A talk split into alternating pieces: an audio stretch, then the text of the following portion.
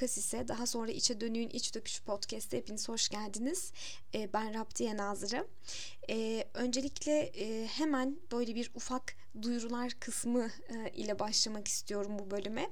E, şimdi e, bu bölümü çekmem e, işte çok uzun sürdü. Araya bayağı bir ara girdi. En son 9 Mayıs'ta bir bölüm yayınlamıştım. E, bonus bölümde o da. E, çünkü e, farenjitle uğraşıyordum maalesef geçtiğimiz haftalarda böyle beni bayağı bir işte boğaz anlamında sıkıntılı bir e, süreç e, bekliyormuş. Haberim yoktu tabii. Bu bölümü çekmeye çalıştım ama olmadı. E, o yüzden bölüm yeni geliyor. E, daha sonra e, sürekli böyle e, bölüm sonlarında bahsettiğim e, sizin de içe dönüklük hikayeleriniz varsa lütfen benimle paylaşın dediğim e, bu çağrıya iki dönüş aldım. Çok teşekkür ediyorum. Çok sağ olun. E, öncelikle bir tanesini okumak istiyorum. Kendisinden de izin alarak. E, Hatice isimli bir e, dinleyicim. Kendisi böyle uzun bir mail yazmış. Çok teşekkür ederim bu arada tekrardan. Ee, öncelikle bu podcast'i gördüğüm an hazine bulmuş gibi sevindiğimi e, söylemek istiyorum demiş. Kendimi bildim bileli çevremdeki insanların hep böyle sessiz misin, niye konuşmuyorsun, çok sessizsin, niye böylesin sorularıyla karşılaştım. Toplu ortamlarda bir köşede oturan, kimsenin lafına karışmayan, bana bir şey sorulursa konuşan birisiydim ki hala böyleyim. Arkadaşlarımla buluştuğum zaman birkaç saat geçtikten sonra kendi başıma kalmak, kimseyle konuşmamak, e, ve kendi kabuğuma çekilmek istiyordum. Bir süre kimse bana bulaşmasın, ben biraz yalnız kalayım istiyordum. Bunun sebebinin ne olduğunu gerçekten çok düşündüm. Kalabalık ortamlara girmek istemememin, toplu ortamlarda bulunmak istemememin sebebinin ne olduğunu anlayamamıştım. Belki de içe dönük biri olduğumu farkındaydım ama çevremde hiç böyle insanlara rastlamadığımdan sanki bu çok korkunç ve garip bir şeymiş gibi geliyordu. Sanki içe dönük olmak çok garip bir şeydi ve asla bir insan içe dönük olamazdı. Daima sosyal, herkesle iyi anlaşan biri olmak zorundaymışım gibi hissediyordum. Hatta zaman zaman neden ben de diğerleri gibi sosyal olamıyorum, neden böyleyim diye sorguladığım çok zaman oldu. Fakat bu podcast tam anlamıyla benim bu içe dönüklüğümü kabullenmemi ve bunun tıpkı dışa dönüklik gibi e, normal olduğunu anlamamı sağladı. Bu konuda insanlara farklı bakış açısı oluşturmak istediğin için te- teşekkür ederim demiş. Ben teşekkür ederim. Açıkçası bu mail beni inanılmaz mutlu etti. Çünkü benim aslında tam olarak yapmak istediğim şey de buydu zaten. Yani anormal değilsiniz arkadaşlar. Bu bir hastalık değil.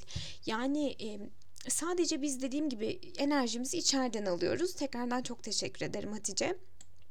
Şimdi bugünün e, bugünkü bölümle ilgili e, hemen şöyle bir plan oluşturmak istiyorum sizin de kafanızda. Bugün ne konuşacağız? Şimdi bugün bölümün başlığından da anlayacağınız üzere karar verme süreçlerinden bahsedeceğiz.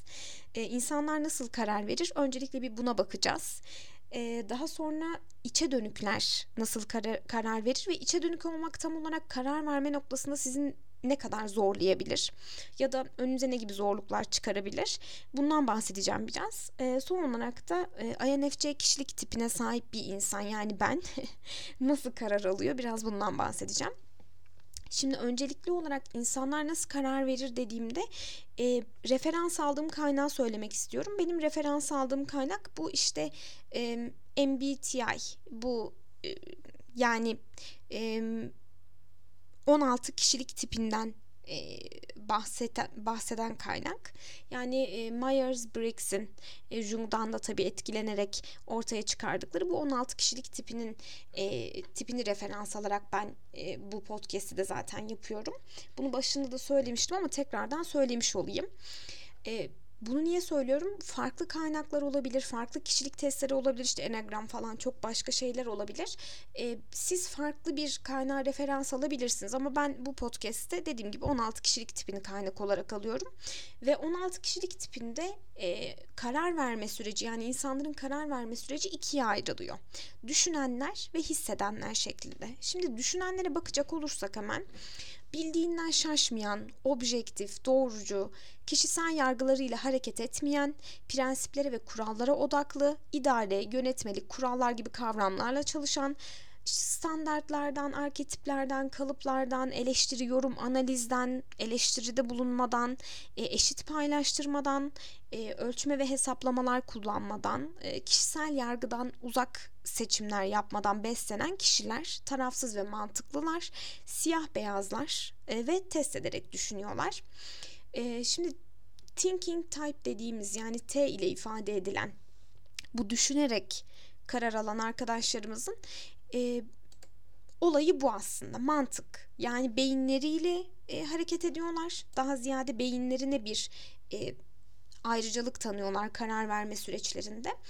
E, ve objektif bilgiye dayanıyor. Yani onların e, karar verme sürecinde sordukları soru şu bu nasıl yardımcı olabilir bana? Yani karar vermeme nasıl yardımcı olabilir ya da ben bir karar vereceksem benim elimdeki sorunu çözme noktasında bu alacağım karar bana nasıl yardımcı olabilir? Bunu soruyorlar e, thinking type dediğimiz e, bireyler e, ve e, duygulardan kaçıyorlar. Duygular onları böyle bir labirentin içine çekiyor adeta. E, duygulardan çok hoşlanmıyorlar. Bilgi istiyorlar. Yani bana diyor objektif bir bilgi göster. İşte e, örnek veriyorum bilimsel bir şey sun e, diyorlar. Düşünen yani thinking type dediğimiz e, kişilik tipi bu şekilde. Hissedenler yani F benim de içinde bulunduğum grup feeling type dediğimiz e, kişilik tipine sahip insanlarsa daha ziyade böyle samimi, işte kendi yargılarıyla davranan, yardımlaşmacı, yakınlık kuran, değerlere ve bağlılığa odaklı, işte kapsam, sonuç, hesaplaşma, hafifletici nedenlere odaklanabiliyorlar. E, takdir ediyorlar, değer veriyorlar, dengelemeye çalışıyorlar. E, acayip anlayış gösterebiliyorlar kendilerini çok adıyorlar e, ve geçimli tipler genelde. Aman Ali Rıza Bey ağzımızın tadı bozulmasın şeklinde ilerliyorlar. Kendine yakınlığına göre seçim yapıyorlar. Yani kişisel yargılarını karar verme sürecine katıyorlar.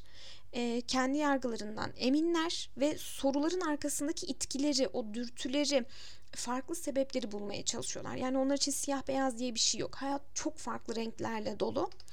Şimdi e, bu hisseden e, hissederek karar veren yani kalbini ön plana alan kalbine torpil geçen karar verirken e, insanlar e, genelde şu soruyu soruyorlar. Bu kime yardımcı olacak? Ya benim alacağım karar kimin hayatını ne kadar etkileyecek? Bunu düşünüyorlar genelde.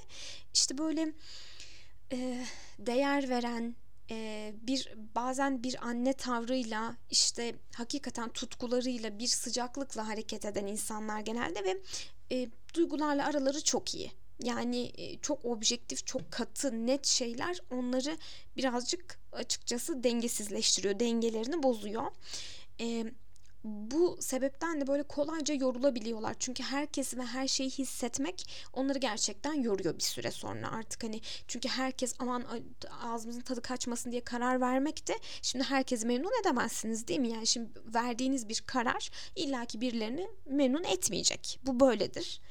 E, bu sebepten de yoruluyorlar. Tabii ki düşüncelerinden ziyade böyle duygularıyla hareket eden insanlar. Peki e, ikinci olarak bahsetmek istediğim konu e, bir içe dönük karar verirken ne gibi zorluklarla karşılaşabilir ya da bir içe dönüğün karar verme süreci nasıl ilerliyor? Şimdi burada genel olarak bir içe dönüklerden bahsetmek istiyorum. Bir de benim gibi hani böyle duygularıyla hareket eden yani feeling type olan içe dönüklerden e, bahsetmek istiyorum. Ya içe dönük olmak bir insanın karar verme sürecini şu şekilde bence en çok etkileyebilir. E, ya kendinize bir yankı odası yaratıyorsunuz. Yankı odası diye bir kavram var. Artık hani sürekli sizin gibi düşünen ya da sizin gibi okuyan, sizin gibi yaşayan insanlarla bir arada bulunduğunuz için ya da çok fazla içinize döndüğünüz için e, dışarıda ne olduğunu çok görmüyorsunuz, anlamıyorsunuz, bilmiyorsunuz. E, bu da tabii e, insanı çok yanlış kararlar almaya itebiliyor. E, bir içe dönüğün bence karar alırken en çok yanılgıya düşebileceği ya da kendisini zorlayabilecek kısım bu olabilir bence. Çünkü içe döndüğümüz için çok açıkçası dışarıdan enerjimizi almadığımız için ve dışarısı aslında bizim daha ziyade enerjimizi e, sömürdüğü için e, karar verme süreçlerinde de elimizde yeteri kadar data olmuyor. Yani yeteri kadar bilgimiz olmadan karar veriyoruz çoğu zaman. E, e bununla birlikte Şimdi içe dönüklük e, biraz tabii enerjiyi içten almak demek olduğu için e, yani içinizde karar verirken kullandığınız bu işte e, bilgiler ya da deneyimler bazen size yeterli olmayabiliyor. E bunun için de tabii ki dışarı çıkmanız gerekiyor. Yeni deneyimleri e, bir şekilde hani yeni bir şeyler denemeniz gerekiyor. Yeni deneyimlere açık olmanız gerekiyor. Bazen bu mümkün olmuyor. Hatta çoğu zaman mümkün olmuyor bir içe dönük için. Yani bence bir içe dönüğü en çok zorlayabilecek şey bu olabilir. E, bunun dışında e, hisseden içe dönükler için de şunu söyleyebilirim.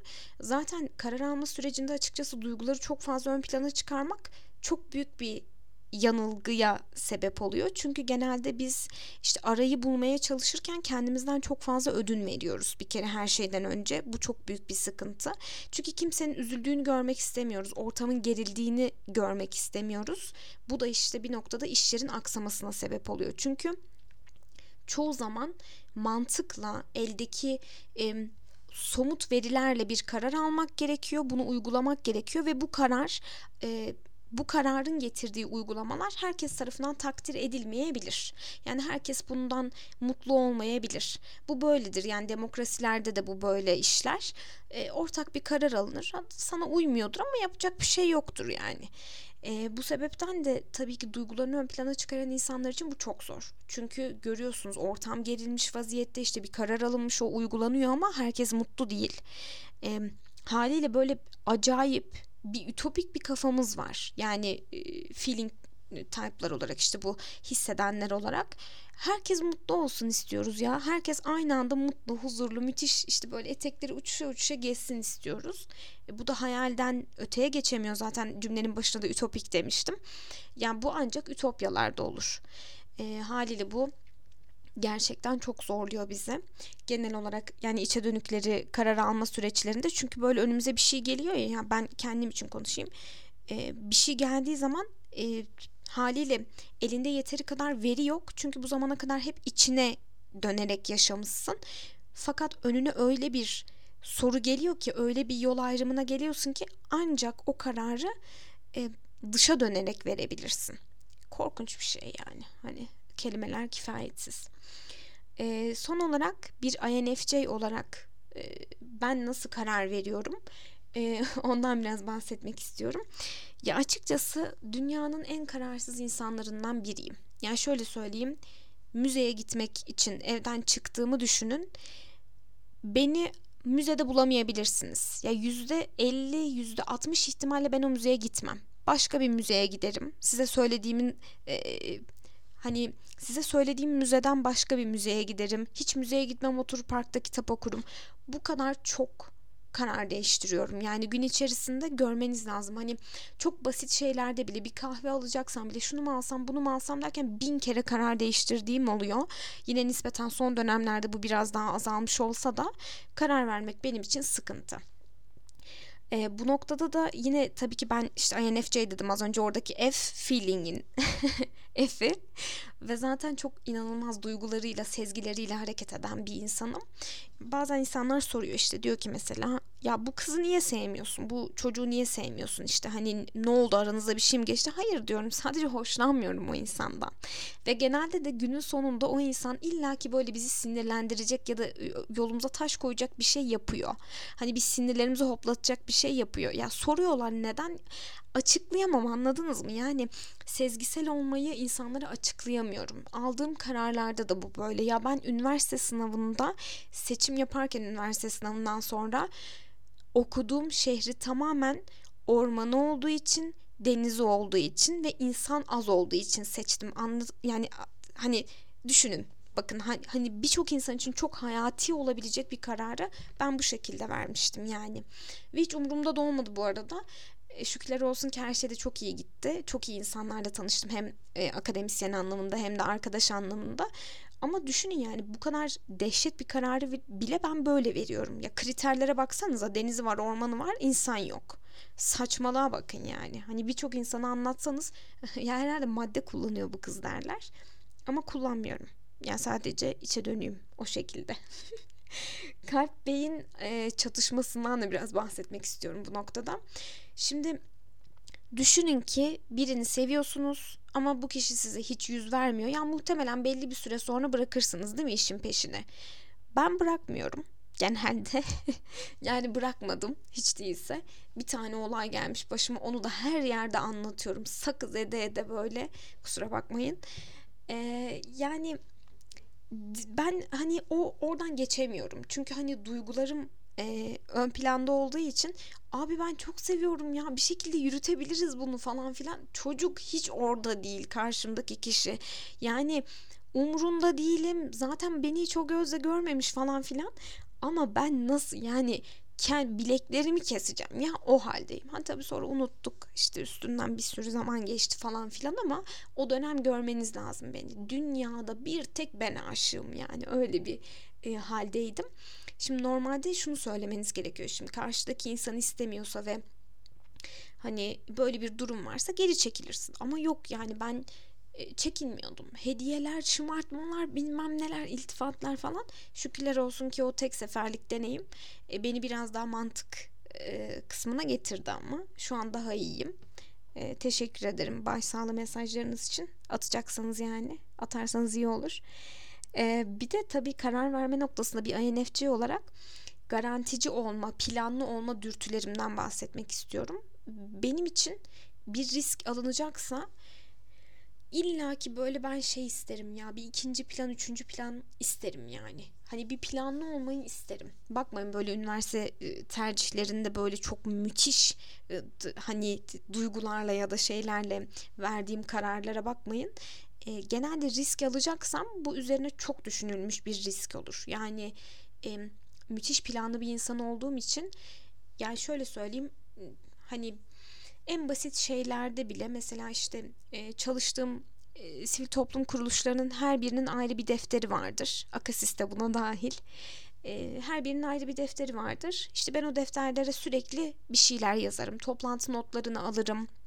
Ya da örnek veriyorum işte kendi fikirlerimi yazarım vesaire.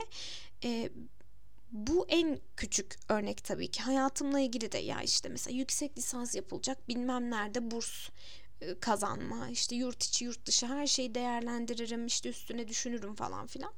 Tabii en sonunda yine e, canımın istediğini yaparım o ayrı bir mevzu. Ama çok planlıyımdır ve çok da böyle garanticiyimdir. Bunlar da insanı tabii ki bir noktada zorluyor. Çünkü hayat dediğiniz şeyin bir garantisi olabilir mi sizce? Böyle de bir soru yöneltmiş olayım. Belki bu konuda da yazmak istersiniz. Değil yani bence garantisi yok. Hiçbir şeyin yok. Ya ben yarın öyle de bilirim. Ya şu an saat 2'ye geliyor ben bu bölümü kaydediyorum. Yarın ölme ihtimalim var benim ya düşünün. Şu an 3 saniye sonra da ölme ihtimalim var. O yüzden e, böyle yaşanmıyor tabii ki. Ama ben size süreç içerisinde anlattığım bütün bu e, beni dezavantaja götüren e, özelliklerimi de bir yandan törpülemeye çalışıyorum. Beni bırakmayan özelliklerim de oluyor tabii ki. E, böyle ilerliyor süreç.